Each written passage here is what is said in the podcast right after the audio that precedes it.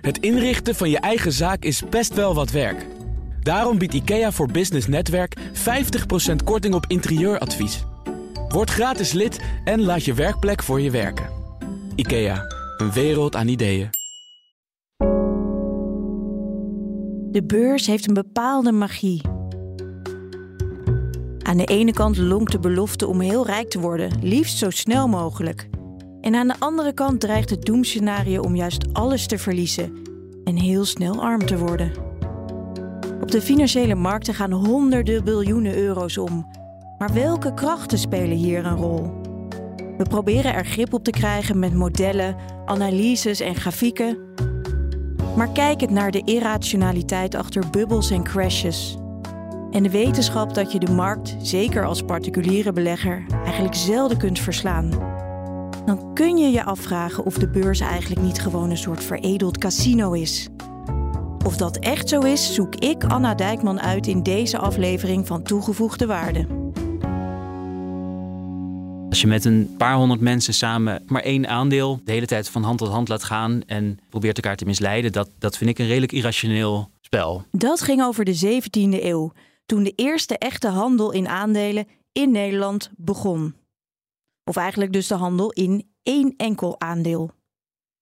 Over die geschiedenis praat ik straks verder met econoom Lodewijk Petram, die je net al even hoorde. Maar eerst gaan we naar het heden.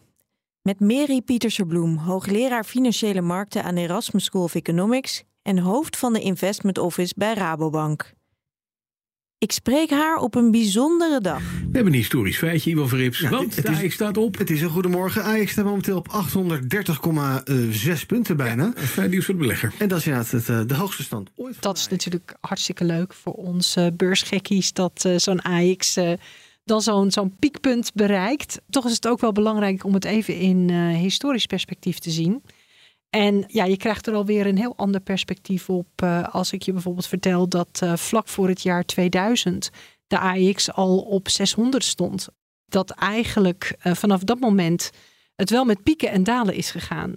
Iets anders wat je daar nog bij moet bedenken is dat de indexsamenstelling ook verandert over de tijd. Want dat gaat op basis van de waarde van het uitstaande aandelenkapitaal. Dus waarom is de AX eh, vandaag heeft het zo'n hoogtepunt bereikt? Doordat het aandeel ASML enorm steeg. Die kan dus zo'n hele index omhoog trekken.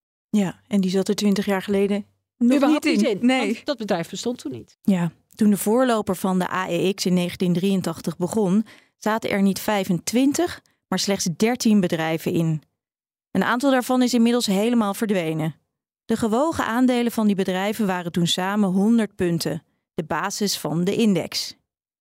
In 1999 werd de index omgerekend naar euro's.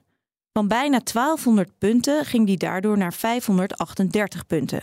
En inmiddels staan we dus nu ruim boven de 800 punten. Toch zegt de AEX eigenlijk niet zo heel veel over de toestand van het Nederlandse bedrijfsleven, juist omdat er maar 25 bedrijven in zitten. Vier daarvan, ASML, Shell, Unilever en Relics, maken bovendien meer dan de helft van de AEX uit en zijn dus nogal bepalend voor de index. Maar je hebt ook een AX eh midcap en dan heb je nog een small cap. Nou, als je die allemaal mee zou nemen, heb je denk ik wel een hele brede vertegenwoordiging van alle bedrijven in alle sectoren in Nederland.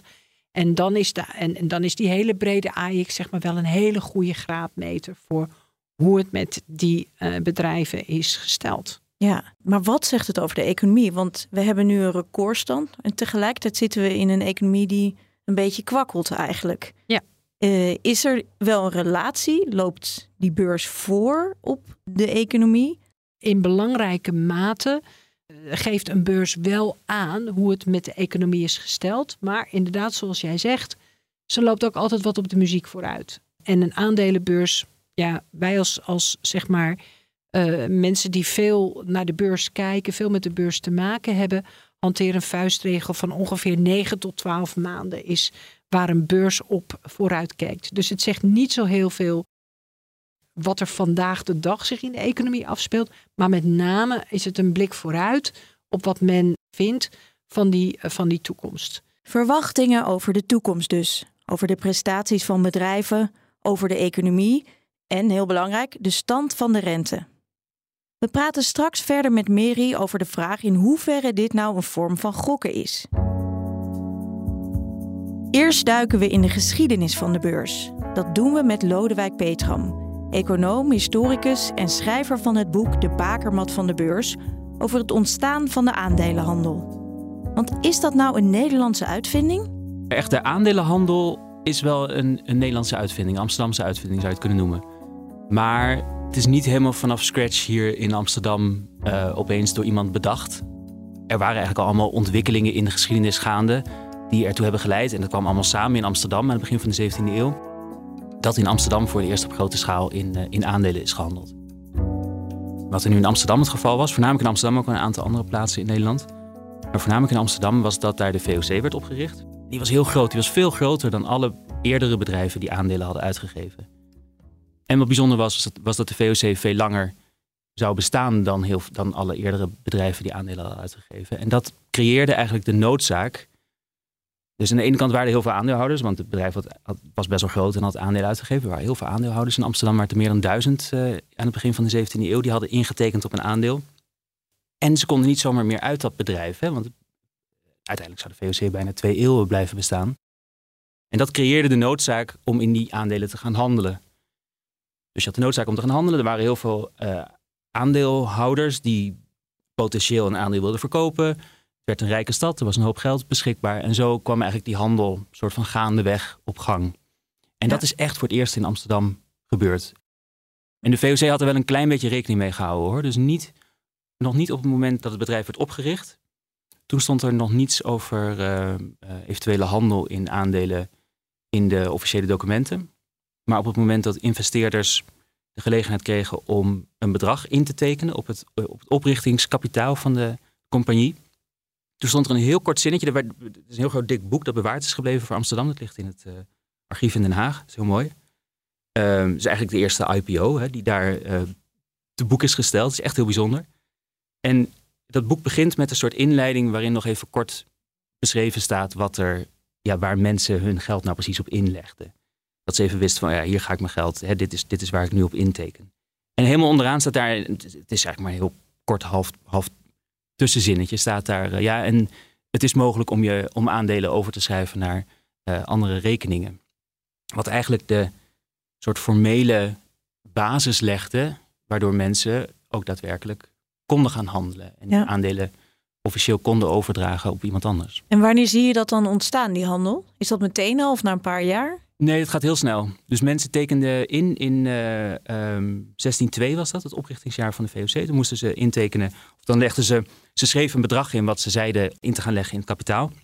Maar dat hoefden ze niet meteen te betalen. En de eerste termijn werd vervolgens een paar maanden later opgevraagd, begin 1603.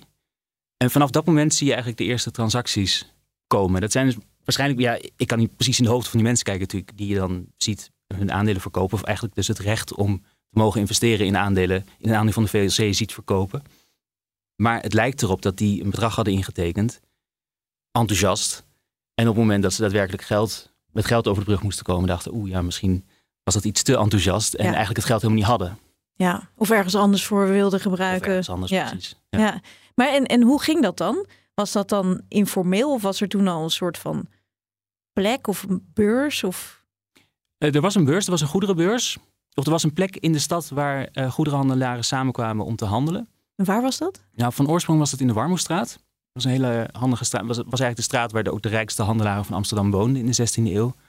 En die, uh, ja, bij gebrek aan een echte beurs handelden zij gewoon eigenlijk in hun eigen straat. Dus, dus gewoon op hun straat. eigen deuren. Ja, buiten. gewoon op straat. En iedereen wist dat. Hè? Dus mensen ook van buiten de stad, die schippers bijvoorbeeld, die op zoek waren naar een uh, lading, die wisten dat ze daar moesten zijn. Dus daar vond de handel plaats. En op een zeker moment werd het daar te druk. En toen heeft het stadsbestuur inge, ingegrepen. Die zeiden, ja, het is, een, het is een hele smalle straat, de Warmoestraat. En, en op dat moment was het ook echt nog een hele belangrijke straat in Amsterdam. Echt een doorvoerstraat. Werd het te druk, kwamen opstoppingen. En toen heeft het stadsbestuur gezegd, jullie moeten gaan um, gebruik gaan maken van de nieuwe brug voor de, de beurshandel. Die brug is er nog steeds. Ja, het is nu een, een nieuwere nieuwe brug, maar dat is de brug direct tegenover het Centraal Station in, uh, in Amsterdam. En dat was op het moment dat de VOC werd opgericht en dus ook op het moment dat die eerste aandelen werden uh, verhandeld, was dat de beurslocatie. Maar het was niet het was niet zo dat, je daar, dat alleen maar daar aandelen verhandeld mochten worden. Je mocht het ook in je eigen huis, mocht je ze verhandelen of in een café of waar je maar wilde. Daar was helemaal niks over vastgelegd. Maar de meeste handel vond wel daar uit die brug plaats, want daar stonden de, de grote kooplieden van Amsterdam, dat waren de grootste aandelenbezitters. De VOC bracht geen jaarverslagen uit of andere berichten over hoe de zaken gingen. Dus de koers was volledig gebaseerd op nieuws, of eigenlijk op geruchten. Vooral rond de jaarlijkse dividenduitkering gonste het. Dus het was de kunst in die tijd om als eerste ehm, de goede gok te maken dat jij wist hoe uh, het dividend dat jaar zou zijn. En wat ze dan dus inderdaad deden, is dat er één keer per jaar vond er, vond een vergadering plaats van de, van het werd de, de Heren 17 genoemd, soort van de, de board of directors van de, van de VOC. Afwisselend in Amsterdam en in uh, Middelburg. En het was dan de truc inderdaad om daarheen te gaan. En die, die, die mannen, die bewindhebbers, die lieten niks los. Maar die, je kon wel een klein beetje aan hun gemoedstoestand aflezen hoe de vergadering was verlopen. En of ze goed nieuws bediscussieerd hadden. Of dat het misschien toch wat slechter ging. En ze heel, heel bedremmeld en bedrukt naar buiten kwamen. Of dat ze elkaar op de schouder uh, kloppend, uh, lachend uh, naar buiten kwamen. Ja, ja. en de, de, de beurs in Amsterdam was heel dicht bij het Oost-Indisch Huis. En als de beurs dicht was, dan ging de handel door op, op de Dam. En daar liepen in, op, ja, op, op, het moment dat die vergaderingen plaatsvonden, liepen daar dus constant mensen eigenlijk heen en weer. Door de Damstraat en door de Oude Hoogstraat, heen en weer om die informatie. Hebben jullie al wat gehoord? Zijn ze onder buiten gekomen? Nee, nee, nou ja, oké. En dat was eigenlijk ja, zoals je tegenwoordig grafieken opzoekt online om te kijken hoe het ervoor staat, hoe het sentiment op de beurs is, of naar uh, of het FD leest, of uh, ging je in de 17e eeuw naar, het Oost-Indisch huis toe. Lange tijd bleef de handel voornamelijk draaien om dat ene VOC-aandeel. Nederlanders hebben toen trouwens ook het naked short selling uitgevonden. Het handelen in aandelen die je helemaal niet hebt en daarbij speculeren op koersdalingen. Verkopen in blanco heette dat toen blanco, omdat de rekening bij de VOC, waar de aandelen stonden geregistreerd, wit was. Leeg dus. Dat is enorm risicovol, dus werd in 1610 al verboden. Niet dat de handelaren zich daar veel van aantrokken. Ze zetten gewoon een regeltje in hun contract dat ze niet naar de rechter zouden stappen als het mis zou gaan. Ruim een eeuw na de oprichting van de VOC, aan het begin van de 18e eeuw, floreerde de handel en gingen de koersen flink omhoog. Wat ook andere bedrijven inspireerde om aandelen uit te geven. Omdat toen duidelijk werd dat, dat er zoveel interesse was in beursgenoteerde bedrijven, of bedrijven waar je een aandeel in kon kopen, zijn er heel veel bedrijven opgericht. Voor een deel bedrijven met een goed plan en een goed, een goed idee. Maar ook bedrijven die eigenlijk helemaal geen plan, helemaal geen idee hadden, die gewoon een soort waanplan hadden. Maar die dachten, ja, uh, kijk, als mensen, als we, als we gekken vinden die hierin willen investeren, laten we het gewoon proberen. Je dacht, we pakken die golf even mee. Uh. Ja, ja, er zijn, uh, is heel interessant. Die hebben allemaal een soort van prospectussen uitgegeven. En die, uh, die zijn voor een groot deel bewaard. En daar uh, ja, er zitten hele, hele interessante plannen in. bijvoorbeeld om van de stad Utrecht een zeehaven te maken door een groot kanaal aan te leggen, zo'n beetje parallel aan de vecht. Het lijkt een klein beetje op het Amsterdam-Rijnkanaal in zekere zin, maar het, is, het, het ligt net ietsje, net ietsje oostelijker. En was misschien nog niet eens zo'n heel mal idee, maar in 1720 was dat wel echt te ambitieus. Laten we daarop houden. Maar die probeerden dus van die beursgekte gebruik te maken om daar uh, ja. geld voor op te halen. Het is niet gelukt uh, toen. Nee. Met dat plan. Met dat plan is niet gelukt. Waar het wel mee gelukt is, is een uh, Rotterdamse verzekeringsmaatschappij. Die dat jaar is opgericht en naar de beurs is gegaan. En die had toen nog een hele lange naam. Later is die bekend geworden als um, Stad Rotterdam Verzekeringen. En nu is het, na een tijdje van de beurs te zijn geweest, is het weer uh, op de beurs genoteerd uh, onderdeel van ASR. Dus het is een bedrijf dat eigenlijk nu al uh, drie eeuwen en een beetje op de beurs actief is. Ook in Engeland en Frankrijk namen de koersen een vlucht en gaven steeds meer bedrijven aandelen uit. Niet allemaal even bona fide, dus die werden ook wel spottend windcompagnieën genoemd, omdat ze handelden in wind. Niks dus.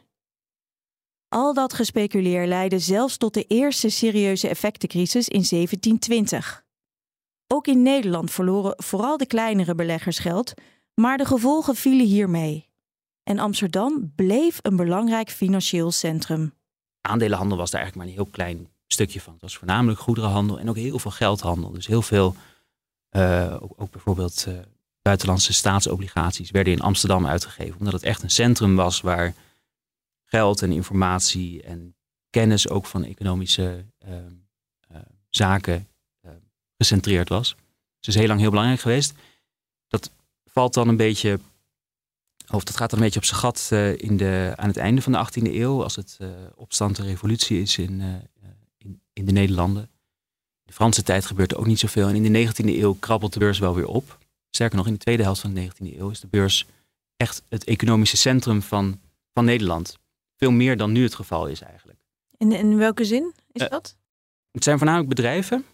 Um, ook veel kleine bedrijfjes. Dus je hebt op dat moment heel veel uh, soort ja, familiebedrijfjes. Hè? Je zou ze tegenwoordig denk ik... Uh, midden- en kleinbedrijf is misschien een beetje een rare benaming. Maar dat is wel ongeveer hoe, de noemer die je op, de, op het grootste deel van de, van, de, van de bedrijven in de 19e eeuw kunt plakken. Die waren actief op de beurs. Waar je tegenwoordig voor een krediet... Uh, ja, je kunt ook obligaties uitgeven. Maar veel bedrijven gaan ook naar de bank. Ging je in de 19e eeuw eigenlijk naar de beurs. Naar de effectenbeurs en die effectenbeurs was op zo'n manier ingericht dat daar ja, uh, in, in vreemd vermogen voorzien werd. Ja. Uh, in de vermogensbehoeften van bedrijven. En dat is helemaal zo doorgegaan tot aan het begin van de Eerste Wereldoorlog. Toen was het dus nog steeds de beurs. De beurs van Berlage is, is dat op dit moment al. In, uh, dus aan het begin van de 20e eeuw. de beurs van Berlage en later beursplein 5 zelfs al. 1913 is dat geloof ik. Was dat echt het financiële centrum van, van de bedrijvigheid in, in Nederland. Dus bedrijven haalden daar hun ja, als, als ze geld nodig hadden, gingen ze, gingen ze naar de beurs. En dat is toen heel abrupt gestopt, omdat in 1914 de Eerste Wereldoorlog uitbrak. En er um, uh, beurskoersen inzakten. Als gevolg van, van ja, de, oorlog, onzekerheid in, uh, in de wereld. Ja. Wat gebeurt er? En toen is, um, is de beurs gesloten. Wat je tegenwoordig ook nog wel eens hebt. Hè? Als er opeens hele, hele grote koersbewegingen zijn, dan wordt de beurshandel even gestopt. En tegenwoordig is dat meestal een uurtje. Misschien wel korter. In 1914 heeft het maanden geduurd. Bijna een half jaar zelfs. Dat die beurs oh, dicht geen was. handel. Nee, geen handel. De beurs is echt dicht. Sterker nog, er zijn toen enorme aantallen Belgische ehm, vluchtelingen naar Nederland gekomen. Die zijn op heel veel plekken in Nederland opgevangen.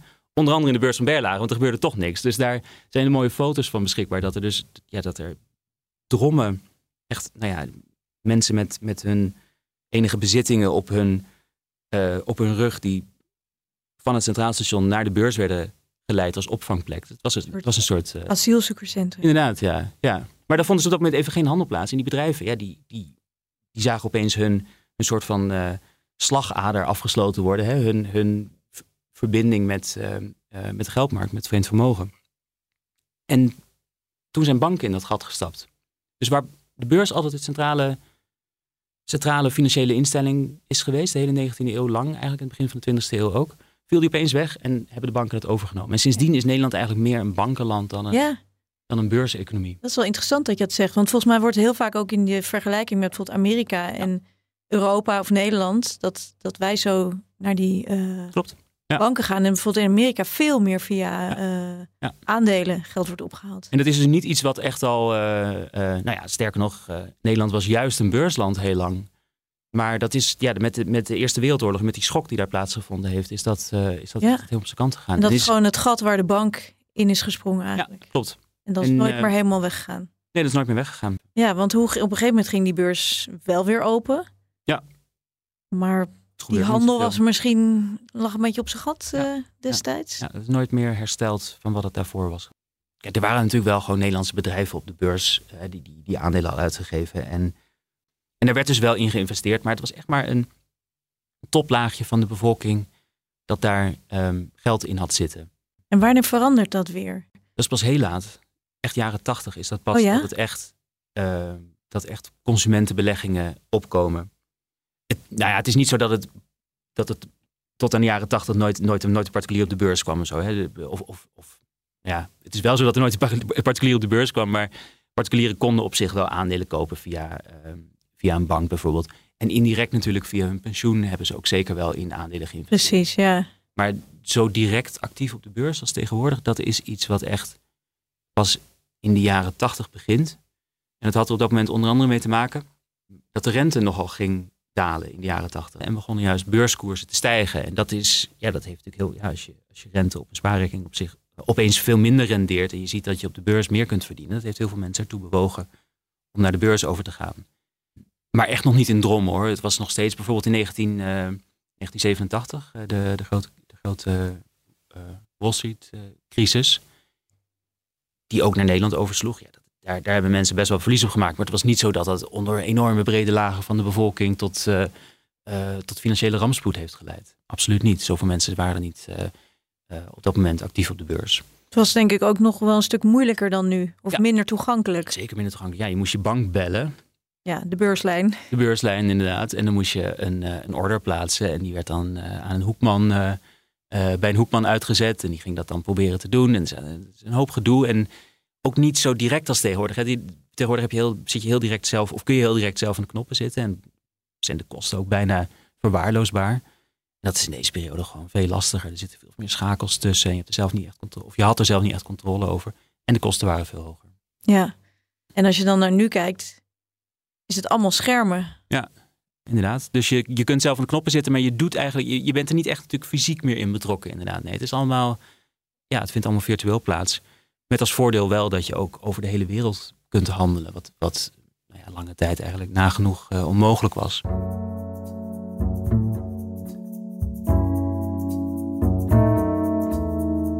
Ja, de wereld is een enorme marktplaats geworden waarop allerlei financiële producten worden verhandeld. De hele aandelenmarkt heeft een waarde van ongeveer 100 biljoen dollar. De obligatiemarkt krijgt vaak minder aandacht, maar is nog eens anderhalf keer groter dan de aandelenmarkt. Verder wordt er natuurlijk ook gehandeld in onder meer derivaten, valuta en grondstoffen, maar het is moeilijker om daar een exacte waarde op te plakken. Op die markten handelen grote institutionele beleggers, fondshuizen, centrale banken en natuurlijk particuliere beleggers met elkaar. Staan die laatste dan niet altijd een beetje op achterstand? Voor die vraag ga ik terug naar Mary Pieterse Bloem, hoogleraar financiële markten en hoofd Investment Office van Rabobank. In theorie niet, omdat eh, je niet mag handelen met voorkennis. Dus als die markt goed is gereguleerd, dan sta je in die zin niet op achterstand. Je kunt misschien wel zeggen dat institutionele eh, beleggers, hè, die, die hebben heel veel mensen in dienst. Die trekken natuurlijk mensen aan met veel kennis en kunde van die markt eh, over die economie. Die hebben ook de hele dag de tijd om heel goed hun huiswerk te doen. En eigenlijk met meer kennis dan dat jij zelf waarschijnlijk kunt verzamelen, naar die markt toekomen. Dat is een ander soort achterstand, denk ik. Als je zelf actief wil zijn in die markt, dan kan je zelf heel veel je huiswerk doen. En als je zelf die tijd of die interesse niet hebt, moet je je huiswerk doen over welke type beleggingen en welke vorm van beleggen geschikt is voor jou. Ben ik toch ook wel benieuwd. Je kunt je huiswerk doen, maar in hoeverre zit er nou toch een soort gokelement aan? Want ook waar we het net over hadden, hè, dat de financiële markt een beetje een voorschot neemt op de ontwikkeling Ja. die eraan zit te komen. Ja, dat is natuurlijk toch een beetje in je glazen bol kijken en denken dat dat gaat gebeuren. Ik vind eh, de vergelijking van een beurs met gokken altijd heel moeilijk. En ik zal je uitleggen waarom. Bij gokken kan je het nooit voorspellen. En je kan het ook nooit achteraf verklaren. Anders dan dat het cijfer toevallig wel of toevallig niet op jouw muntjes uitkwam. Nou, bij een beurs kunnen beursanalisten in ieder geval wel altijd achteraf heel goed verklaren je luistert vaak naar ze, denk ik. Genoeg om te zeggen, ja, ik begrijp waarom die koers vandaag van de AX zo hoog eh, eh, is komen te staan. Omdat hè, als ik kijk naar de economische omgeving van vandaag, als ik kijk naar de dynamiek, als we horen hoe de centrale banken praten over de economie en wat zij voornemens zijn om te doen, eh, dan begrijp ik waarom die koers zo hoog. Dat kan ik verklaren. Dat is al een heel belangrijk verschil met gokken. Kun je van tevoren kun je ze voorspellen? Dan wordt het wel een heel stuk lastiger. Dat is wanneer jouw glazen bol eh tevoorschijn komt. Overigens is het niet helemaal een glazen bol, want dan moet je zoveel verschillende invloeden, eh, eh, krachten die op die beurs kunnen spelen vanuit de economie, vanuit de geopolitiek, vanuit van alles en nog wat, moet je bij elkaar brengen om en dan precies een puntvoorspelling weten te maken van waar een aandelenkoers of een aandelenindex op uitkomt. Nou, dat is gewoon vrijwel onmogelijk. Misschien dat eh, een heel intelligent, eh, kunstmatige intelligentierobot het ooit kan, maar daar zijn we nog lang niet. En het is dus ook een heel dynamisch geheel. Vandaag eh, zijn we in jubelstemming, maar morgen kan er iets gebeuren waardoor we denken: oh, dit hadden we allemaal met z'n allen niet voorzien. En dan woep, passen al die beurskoersen zich weer, weer aan. Ik denk dat we wel um, een, een redelijke goede inschatting kunnen maken. Dat is dan wat ik zelf denk als belegger. Van de grote macro-economische trends. En als je die, zeg maar, grosso modo goed kunt volgen, dan doe je het denk ik als belegger al heel goed. Ja, want wanneer doe je het als belegger nou goed? Want elke belegger wil natuurlijk de markt verslaan. Ja. Beter doen dan de index. Ja. Tegelijkertijd is dat heel erg moeilijk. Ik heb Ja. wel onderzoek gelezen dat dat 80% of misschien wel meer eigenlijk niet lukt. Nee. Ja, waarom doe je het dan eigenlijk nog, zou je kunnen vragen. ja. Is dat als het je wel lukt, is dat dan een element van geluk hebben, van gokken? Ehm, ja, als het over, over individuele aandelen gaat en als je daar al je geld op zet, ja, dan heb je het eigenlijk wel bijna over gokken. De beurs in zijn geheel, en dan, dan had ik het dus eigenlijk over die grote macro-tendensen. Als je die een beetje goed krijgt en je denkt van ja, het is nu best een goede beursklimaat om in aandelen te zitten. En sowieso belegd zijn is altijd goed over de langere termijn. Uh, dan heb je niet van die hele grote uitslagen. Het kan wel zo zijn dat het het ene beursjaar een stuk minder is als het andere beursjaar.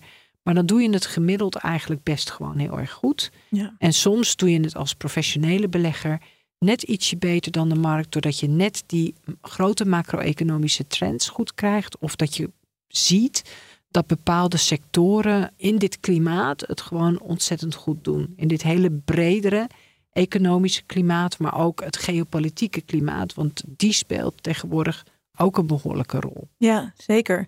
Nou wordt er wel vaak gezegd dat eh, omdat het zo moeilijk is om die markt te verslaan, zeker als particulier, en je hebt niet tijd om dat huiswerk eh, te doen, dat het eigenlijk best is om passief te beleggen. Ja. Dus dan volg je de markt. Ja. Um, maar wat gebeurt er eigenlijk als heel veel mensen passief gaan beleggen?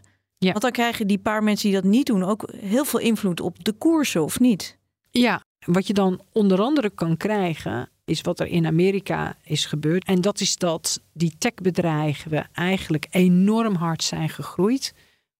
Vanwege het winner takes all principe. Hè? Dus dan heb ik het over Nvidia, Google, Microsoft, Meta, Tesla zit er ook nog steeds in. Vindt iedereen niet tegenwoordig niet meer heel zo magnificent. Maar die bedrijven die hebben een enorme koersstijging gerealiseerd.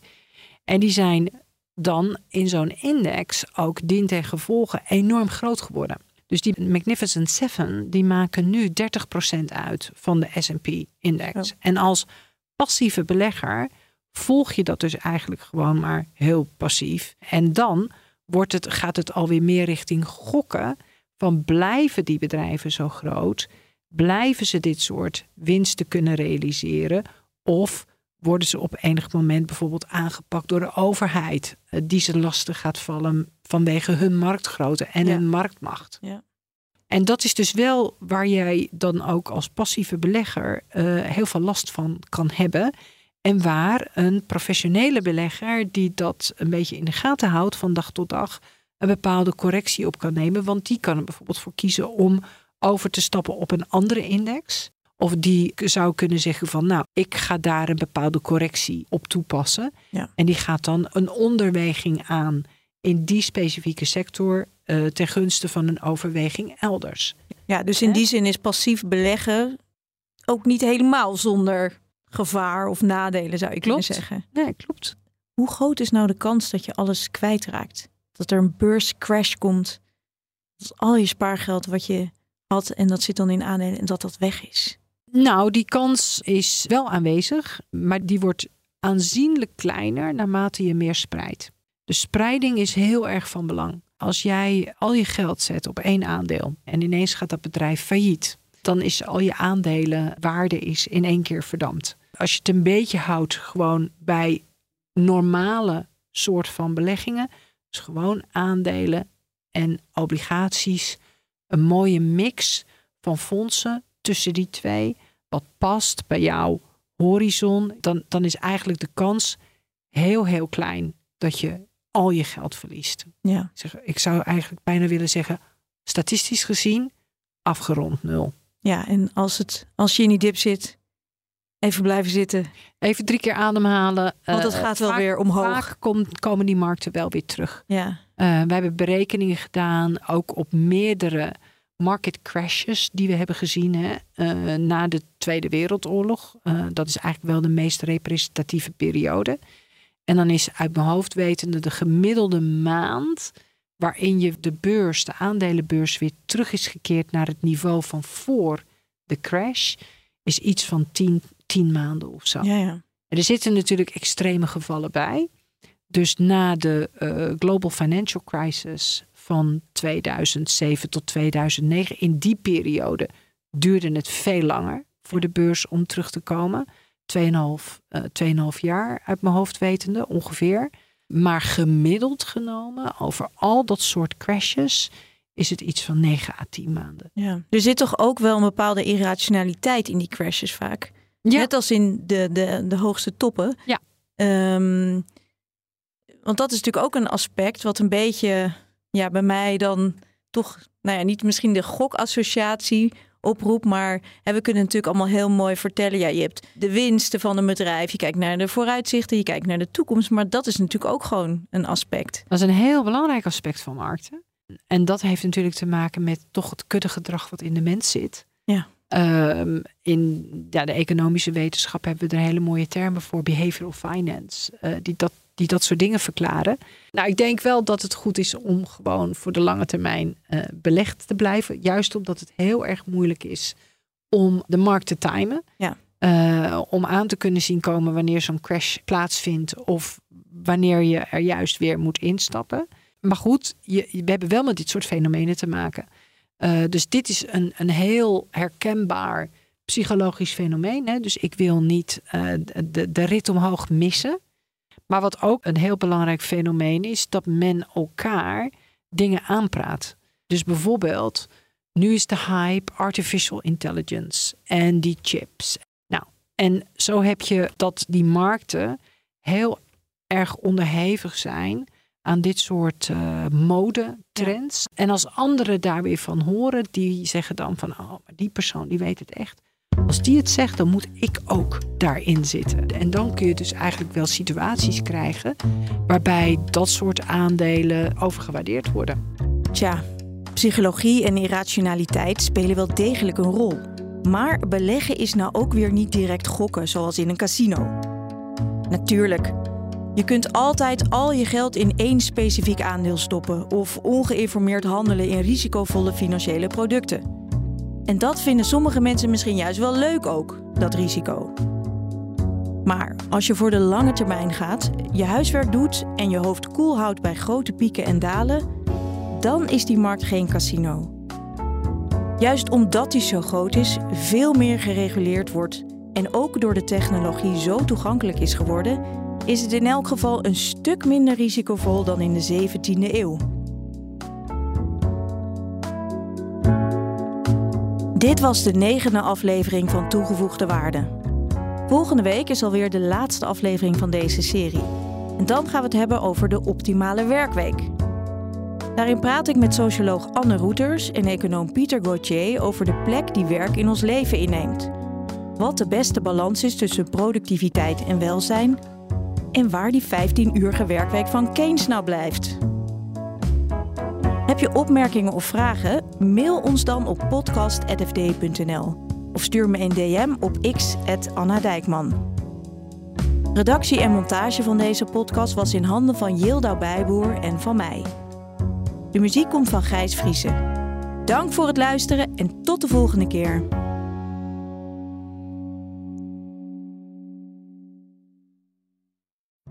Als ondernemer hoef je niet te besparen op je werkplek. Want IKEA voor Business Netwerk biedt korting op verschillende IKEA-producten. Word gratis lid en laat je werkplek voor je werken. IKEA, een wereld aan ideeën.